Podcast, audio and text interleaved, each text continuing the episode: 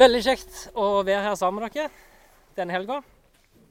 Det Jeg ser alltid fram til Viken. Syns det er deilig å bare komme seg litt vekk. Koble av og koble på. Eh, være sammen som, som fellesskap. Åndelig fellesskap, som sosialt fellesskap. Bli kjent med nye. Jeg syns det er helt fantastisk at jeg ikke kan alle navnene. Det syns jeg er konge. Så håper jeg å lære noe nye i løpet av helga, da. Men det er kjekt at det der er nye òg som er her. Um, så har jeg gleda meg til morgenmøtene denne helga.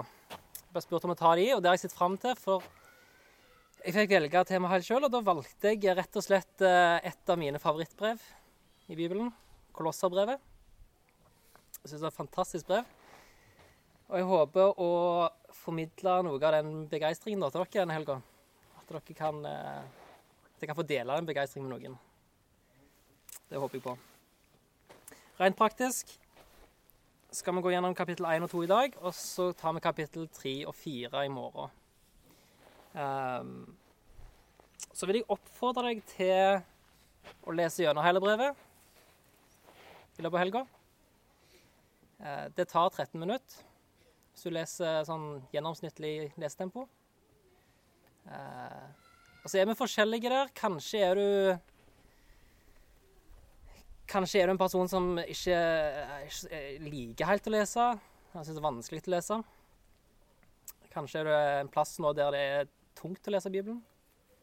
Eh, hvis det gjelder deg, så tenker jeg ikke for dårlig samvittighet hvis du ikke får lest i løpet av helga. Men da syns jeg det er konge at du er her. At du kan få høre Bibelen opplest. Det har alltid vært en stor verdi i kirka. Og det tror jeg det er her òg. Vi begynner med å be.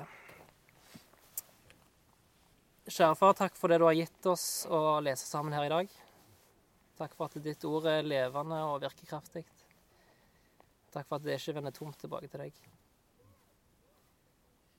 Jeg ber om at eh, du må åpne disse versene vi skal lese i dag for oss, og at du må virke i oss. Legge talene i dine hender, far. Amen.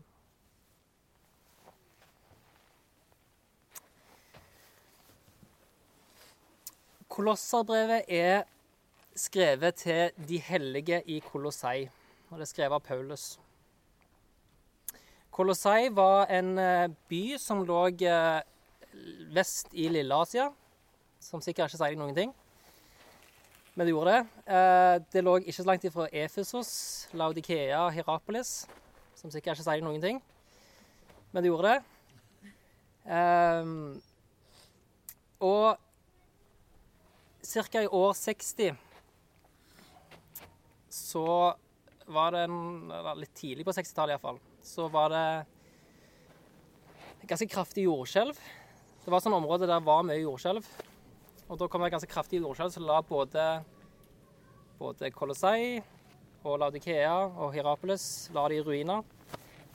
De to siste byene ble bygd opp igjen, for det finner vi ruiner etter i dag. Men Kolossei hører vi aldri noe mer om, da dessverre. Så sannsynligheten er stor for at eh, Paulus skrev dette brevet ca. samtidig som han skrev Feserbrevet. Les gjerne det òg, hvis du, du, er skikkelig leshest. De, de ligner litt. Um, Ca. rett før dette jordskjelvet, kanskje. Ikke så lenge før. Um, ja. Det var litt facts for å plassere brevet. Og så håper jeg at dere har bibler eller eh, mobibler, var det det du sa, Økland? Fint hvis dere har med det, for jeg kommer ikke til å gå sånn, jeg kommer ikke til å lese alle versene, så det er kanskje litt lettere å følge med underveis. Jeg skal lese gjennom til slutt alt, men eh, ha det gjerne framfor dere. Paulus begynner brevet fra vers 3 til 8 med å si at han alltid takker Gud for menigheten. Eh, han, han, starter egentlig med Store deler av kapittel 1 er, er, en bønn og en takk. Og så er det samtidig en litt sånn jeg vet Ikke om det er strategisk, men, men, han sier litt om hva han kommer til å snakke om i løpet av brevet òg. Og det syns jeg er noe fint med måten han gjør det på, at uh, han går ikke bare rett på 'dette må dere passe dere for', og dette må dere gjøre', og 'dette sånn og sånn'. Men han begynner med å legge alt framfor Gud. Det har han gjort lenge. Han ber alltid for disse. Uh, det er der han starter. Paulus har fått høre om deres tro på Jesus, om kjærligheten de har til alle de hellige, pga. håpet som venter i himmelen. Tro, håp og kjærlighet. Og Det er litt kult, for dette er en menighet som Paulus aldri har møtt. Men ryktet har gått framfor dem. Det er en menighet som har blitt radikalt forvandla ved evangeliet. Helt ifra dag én etter at de fikk høre evangeliet, så har evangeliet båret frukt, og det har spredt seg. Som ild i tørt gress. Ikke bare i Kolossei, men sånn som i, i resten av verden. Og apropos ild i tørt gras. Jeg så en film på torsdag på Netflix som jeg ikke husker hva heter. Veldig bra film. Anbefales. Um, det handler om noen brannmenn som jobber med skogbrann og sånn. Uh, ja. Det er en sånn sann historie og sånne ting. Men poenget er egentlig ikke den filmen. Poenget er dette med skogbrann, da. Hvor ekstreme krefter som er i sving. Iallfall på film så er det det. Det går utrolig fort. Og jeg tenkte litt på det i forbindelse med disse versene òg. At den har litt det samme i evangeliet. Det har en ekstrem sprengkraft. De gjør, de, de gjør, noe med alt det rører, på en eller annen måte. Så gjør de det. Og det ser vi at det har skjedd i Kolossei. Det har båret frukt, og det har spredt seg. Sånn at nyhetene har nådd Paulus. Det har gjort noe med dem.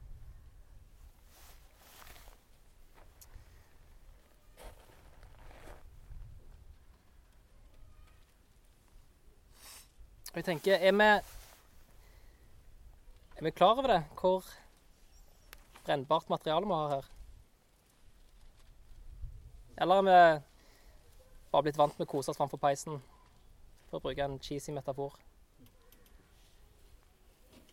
Og Nå sier jeg ikke det for å gi dårlig samvittighet, på ingen som helst måte, men jeg sier det egentlig for å oppmuntre dere til å bruke denne boka. Det er ufattelig hva vi har fått her. så se det som en oppmuntring. I Isaiah kapittel 55 vers 10-11 så står det For lik regn og snø som faller fra himmelen og ikke vender, vender tilbake dit før det har vanna jorda, gjort den fruktbar og fått den til å spire, gitt såkorn til den som skal så, og brød til den som skal spise. Sånn er mitt ord som går ut av min munn. Det vender ikke tomt tilbake til meg, men gjør det jeg vil, og fullføre det jeg sender det til. Jeg digger de versene der. Guds ord vender ikke tomt tilbake. Guds ord gjør det som Gud vil, og fullføre det som han har sendt det til. Det gir iallfall for meg et ganske sånn vanvittig perspektiv på å plukke opp denne boka og lese i det. Um, å lese i Bibelen er ikke noe vi gjør for å please Gud. Selv om jeg òg har kjent på at det kan føles sånn av og til. Ja, Fem-ti minutter lesing i dag, det må være nok for å gjøre Gud fornøyd. Men det er ikke sånn det funker. Det er et helt annet perspektiv vi får i disse versene. her. Det er Gud, han som har skapt alt dette. Det er han som har sammenfatta det han har lyst til å si til oss i denne boka. her. Og det han lover at det ikke vender tungt tilbake til ham. Det kan enten være sånn som snø, at det, det, legger seg som et teppe før det etter hvert eh, smelter og gir næring til jorda. Altså at det kan ta litt tid før det synker inn, det vi leser. Ellers kan det være som regn at det går rett hjem en gang? Ta med dere de versene inn i bibellesinga. Men Paulus legger altså i disse versene 3-8 Han legger litt sånn premisset for det han skal snakke om. Og det han skal snakke om, er at Jesus er grunnvollen. Ehm, det er Jesus vi bygger trua på, og det er det han har lyst til å få banka inn. For menigheten i Colosseia møtte på ganske mye løye i form av forvrengelser forvrengelser, tillegg til, til denne grunnvollen, til dette grunnlaget for trua. Og det er det Paulus vil banke inn gang på gang. Jesus er nok. Jesus er alt. Jesus er grunnlaget.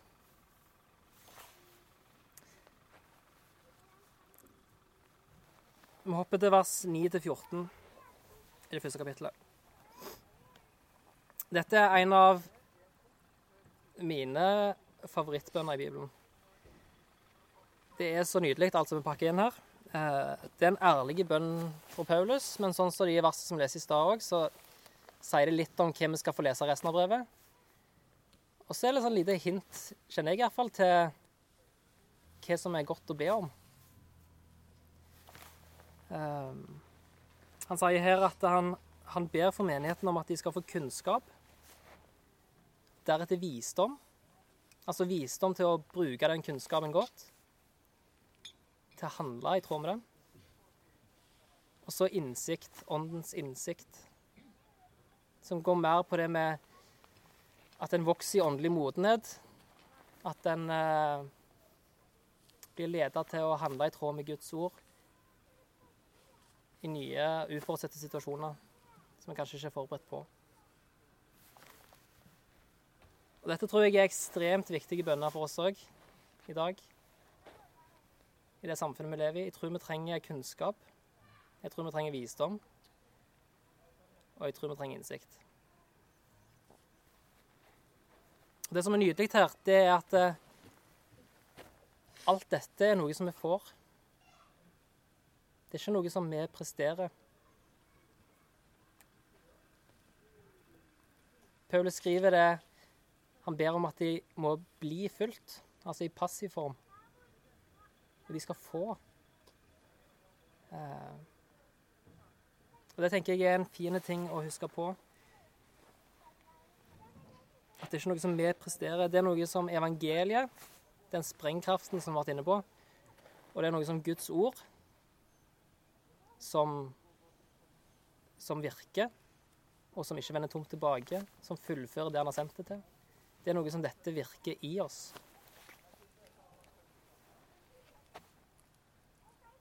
Vi kommer tilbake til denne bønnen, for jeg tenkte vi kunne avslutte helt til slutt med å be denne sammen. Vers 15-23 kommer det noen fiffige vers. Der det, det, er denne plassen i Bibelen, denne, dette skriftstedet, der han har det mest konsentrerte samla om Jesus som Gud. Um, det er vers som fortsetter med det som Paulus vil banke inn. Jesus i grunnvollen. Fortsetter å understreke det. Um, og det er vers som, iallfall for meg, gir et sånn helt sånn vanvittig perspektiv på hvem Jesus er. Hvor stor han er. Vers 14 går sånn som dette. I Han er vi kjøpt fri og har fått tilgivelse for syndene. Men hvem er denne Han? Jo, Jesus er den usynlige Guds bilde. Altså Gjennom Jesus får vi se hvem Gud er. Jesus er den førstefødte før alt er skapte. Og det som blir kult, det er litt sånn mind-blowing, da, at muligheten for tilgivelse var i Guds plan helt fra starten av. Jesus var der før alt er skapt. Det er Jesus alt er skapt. Alt er skapt ved han og til han. Jesus er før alt, og i han så blir alt holdt sammen. Han er hodet for kroppen, altså for kirka. Han er den første som overvant døden. En gang for alle. For alle oss òg. I Jesus har Gud latt hele sin fylde ta bolig. Og ved Jesus ville Gud forsone alt med seg ved at Jesus døde på korset for oss. Så går Paulus videre i vers 21-23 med å understreke for menigheten i Kolossai at dette her, det gjelder for dere òg. Det gjelder konkret for dere. Dette er Jesus. Dette er han som døde for våre synder. Og Jesus gjorde alt ferdig for oss. Det er ingenting vi kan legge til. Eneste vi skal gjøre, er å bli stående i trua. Uten å la oss rive vekk av alskens forvridde ideer som verden kan komme med. Vi skal stå grunnfesta i trua med fokus på det himmelhåpet som evangeliet gir.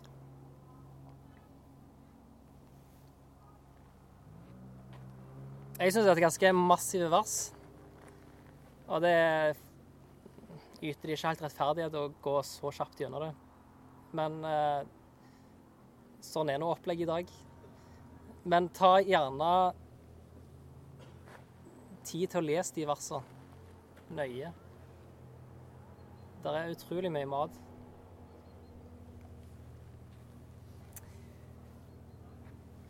Fra vers 24 i det første kapittelet og ut til vers 5 i det andre kapittelet, så får vi litt innblikk i Paulus sitt virke som misjonær. Eh, det som vi nå har vært gjennom, det er det som Gud har lagt på oppgave, gitt i oppgave til Paulus å, å gjøre. og dele videre eh, med de kristne menighetene. Og jeg, jeg tror Guds plan med Paulus strakk seg mye lenger enn det han sjøl vet om her, tror jeg. Vi sitter jo her på Randøy og leser det han har skrevet i dag. Og det gjør noe med oss. Den oppgaven som Gud la på Paulus, var dette. Gud ville kunngjøre for de hellige hvor rikt og herlig dette mysteriet er for folkeslagene. Kristus er blant dere, håp om herligheten. Paulus har en djup nød for å nå For å gi mot til hjertene. Eh, til å se de kristne knytta sammen i kjærlighet. Til at de skal få hele eh, rikdommen av overbevisning og innsikt. Så de kan fatte Guds mysterium, som er Jesus. Dette er hans nød, at de skal få se Jesus. Eh, dette mysteriet det er ikke noe hokus pokus, det er ikke noe ekstra som en skal legge til, eh, som en må bli medlem av en hemmelig klubb for å forstå noe av. Det står her mysteriet er Jesus. Det er det han vil ha fram her. Det er ikke noe mer. Denne oppgaven utfører Paulus ved å kjempe og arbeide i Guds kraft, som virker i han med styrke. Og Det er dette Paulus fortsetter med å snakke om ut i kapittel to. For det første ikke glem det dere har fått. Og for det andre, pass dere for menneskebud. Ikke glem det dere har fått. Altså, evangeliet. Evangeliet er alt. Trua på Jesus kan ikke forbedres eller mikses med noe annet. Um, når vi har tatt imot Jesus som Herre, så skal vi leve i Han. Altså holde fast ved Jesus som Herre. Vi skal være rotfesta i Han, som vi kanskje kjenner igjen fra greiner på vintre. Vi skal ha fellesskap med. Og vi skal være bygd på Jesus som grunnvollen. I bestemt form entall. Én grunnvoll. Når hele Guds fylde bor i Jesus, guddomsfylden Paulus bruker aldri ordet guddommen, egentlig. Det kan virke som om at det er noe som uh, han har plukka opp fra Kolossai, at det er noe som folk snakker om der. Uh, men at hele Guds fylde bor i Jesus. Da er det ikke rom for noe tillegg eller erstatning. Vi trenger ingenting annet enn Jesus for å finne Gud. Og Én ting er det at vi kan bli forført til å tro at dette ikke er sant. At det må være noe annet i tillegg som vi må forstå eh, for å finne Gud. Som var tilfellet i Kolossai. At det var noen som så villeda de litt.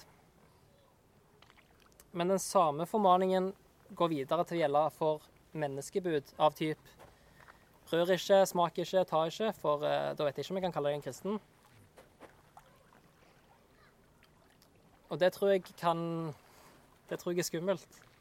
Og det tror jeg vi kan kjenne igjen eh, i situasjoner i dag òg. Det er ting i Bibelen som, som, som, taler om at vi ikke skal ta røre smake. Eh, vi er kalt vekk. Ja, vi er kalt til å vende oss vekk fra det gamle livet, vende oss til et nytt liv. Men så er det òg ting som, eh, som vi ikke finner her men som vi finner her, som vi har kommet på sjøl. Eh, og som vi legger på, på, andre kristne. At det er sånn og sånn må det være for at du skal kunne kalle deg kristen. Og det kan være skummelt. Paulus tar her eksemplene som var aktuelle der, sikkert. Selvgjort fromhet, sjølfornektelse og mishandling av kroppen. For oss i dag så er det kanskje andre ting. Men ta, tenk litt på det, eller snakk litt om det i løpet av helga. Er er, er det ting som menneskebud som vi blir fanga opp i? Og Det som er skummelt, er når vi begynner å legge til bud til Guds bud, så svekker vi Guds ord. Eh, ta f.eks.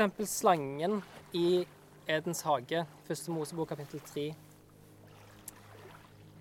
Gud hadde sagt til Adam og Eva at de ikke skal spise av frukta fra treet til kunnskap om godt og vondt.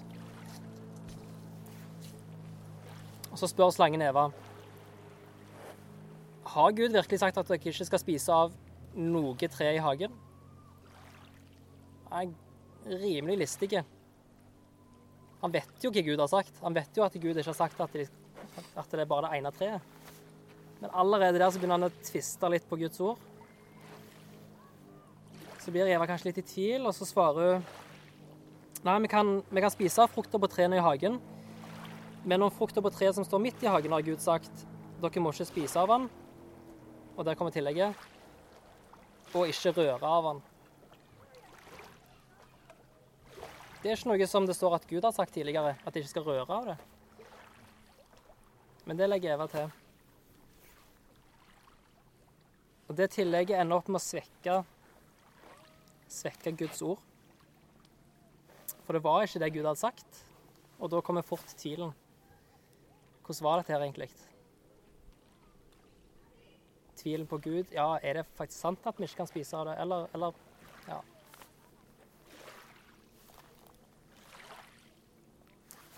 Og nettopp pga. denne faren her, så tror jeg vi trenger kunnskap. Vi trenger visdom. Og vi trenger innsikt.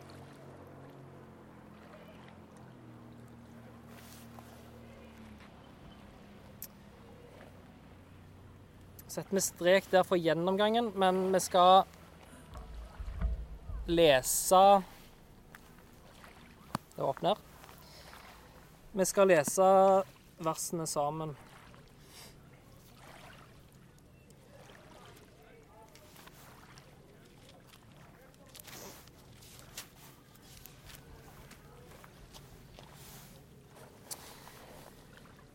Paulus, etter Guds vilje, Kristi Jesu apostel, og vår bror Timoteus helser de hellige i Kolossai, de troende, søsken i Kristus. Nåde være med dere og fred fra Gud vår Far. Vi takker alltid Gud, vår Herre Jesu Kristi Far, når vi ber for dere. For vi har fått høre om deres tro på Kristus Jesus, og om kjærligheten dere har til alle de hellige, pga. håpet som venter dere i himmelen. Dere har alt nå fått høre om dette gjennom sannhetens ord, evangeliet, som har kommet til dere. Som i hele verden ellers har evangeliet båret frukt og utbredt seg òg hos dere. Helt fra den dag dere fikk høre det og lærte Guds sanne nåde å kjenne. Det var dette dere fikk lære av vår medarbeider Epafras, som er en trofast kristig tjener for dere. Han har òg fortalt oss om kjærligheten dere har i ånden. Fra den dag vi fikk høre dette, har vi ikke holdt opp med å be for dere. Vi ber om at dere må bli fulgt av kunnskap om Guds vilje og få all den visdom og innsikt som Ånden gir. Da kan dere leve et liv som er Herren verdig, og som helt og fullt er til glede for Han, så dere bærer frukt i all god gjerning og vokser i kjennskap til Gud. Kraften fra Hans herlighet skal gi dere styrke, så dere alltid er utholdende og tålmodige. Med glede skal dere takke Far, som satte dere i stand til å få del i de helliges arv i lyset. For Han har fridd oss ut av mørkets makt og førtes over i sin elskede sønns rike. I ham er vi kjøpt fri og har fått tilgivelse for syndene. Han er den usynlige Guds bilde, den førstefødte før alt er skapte. For i han er alt blitt skapt, i himmelen og på jorda. Det synlige og det usynlige, troner og herskere, makter og åndskrefter, alt er skapt ved han og til han. Han er før alt, og i han blir alt holdt sammen. Han er hodet for kroppen, som er kirka. Han er opphavet, den førstefødte fra de døde, så han i ett og alt kan være den fremste. For i ham ville Gud la hele sin fylde ta bolig, og ved han ville Gud forsone alt med seg sjøl, det som er på jorda og det som er i himmelen, da han skapte fred ved hans blod på korset.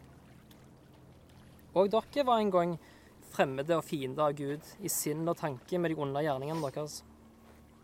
Men nå har han forsona dere med seg, da Kristus led døden i sin kropp av kjøtt og blod.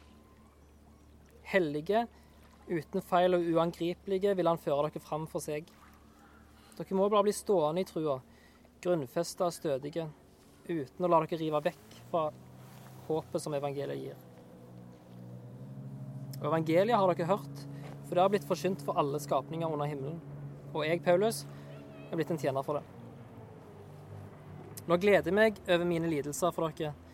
Og det som ennå mangler i Kristi lidelser, det utfyller jeg med min egen kropp. Jeg lider for hans kropp, som er kirka.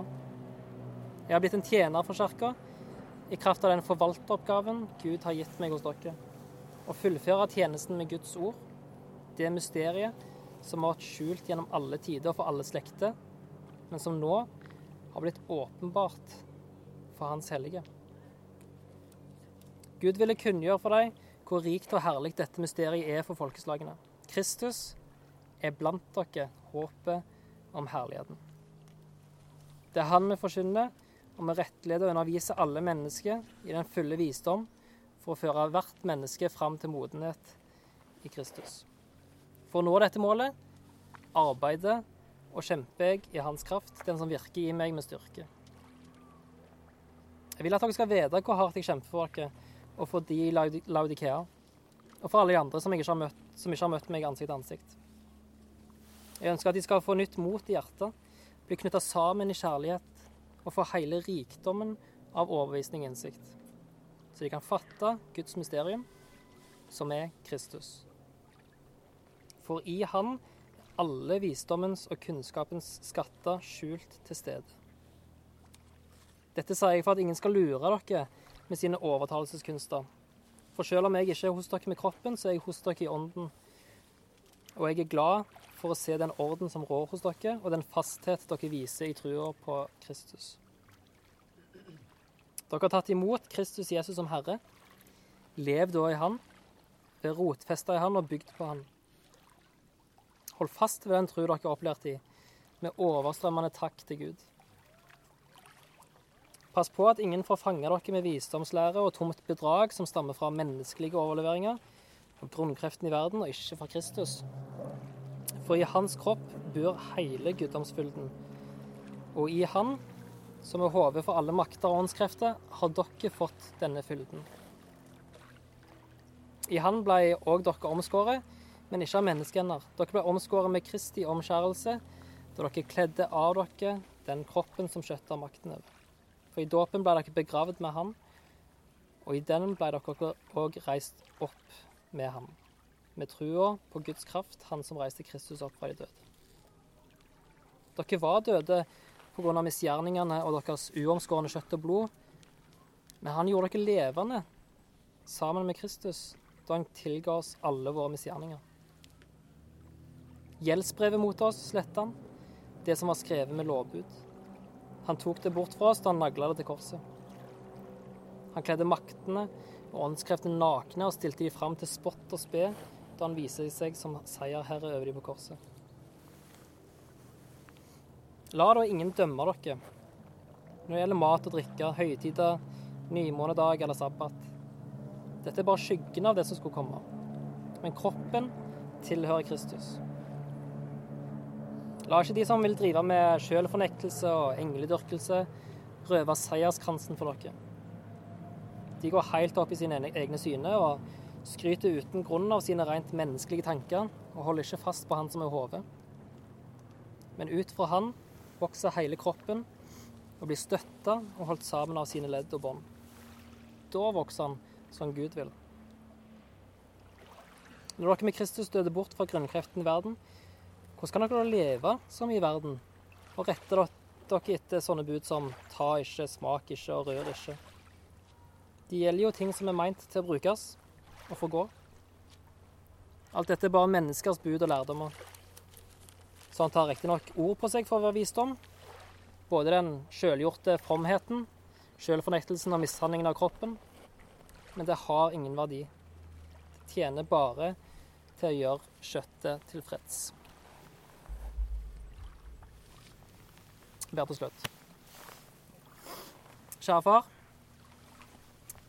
Jeg ber om at eh, vi må få bli fulgt av kunnskap om din vilje. Få all den visdom og innsikt som Ånden gir, sånn at vi kan leve et liv som er deg verdig, og som helt og fullt er til glede for deg. Som vi bærer frukt i all god gjerning og vokser i kjennskap til deg, Gud. Jeg ber om at kraften fra din herlighet skal gi oss styrke, som alltid er utholdende og tålmodige. Med glede vil jeg takke deg for at du som satte oss i stand til å få del i de helliges arv i lyset. For du har fridd oss ut av mørkets makt og ført oss over i din elskede sønns rike. I deg er vi kjøpt fri og har fått tilgivelse for syndene. Amen.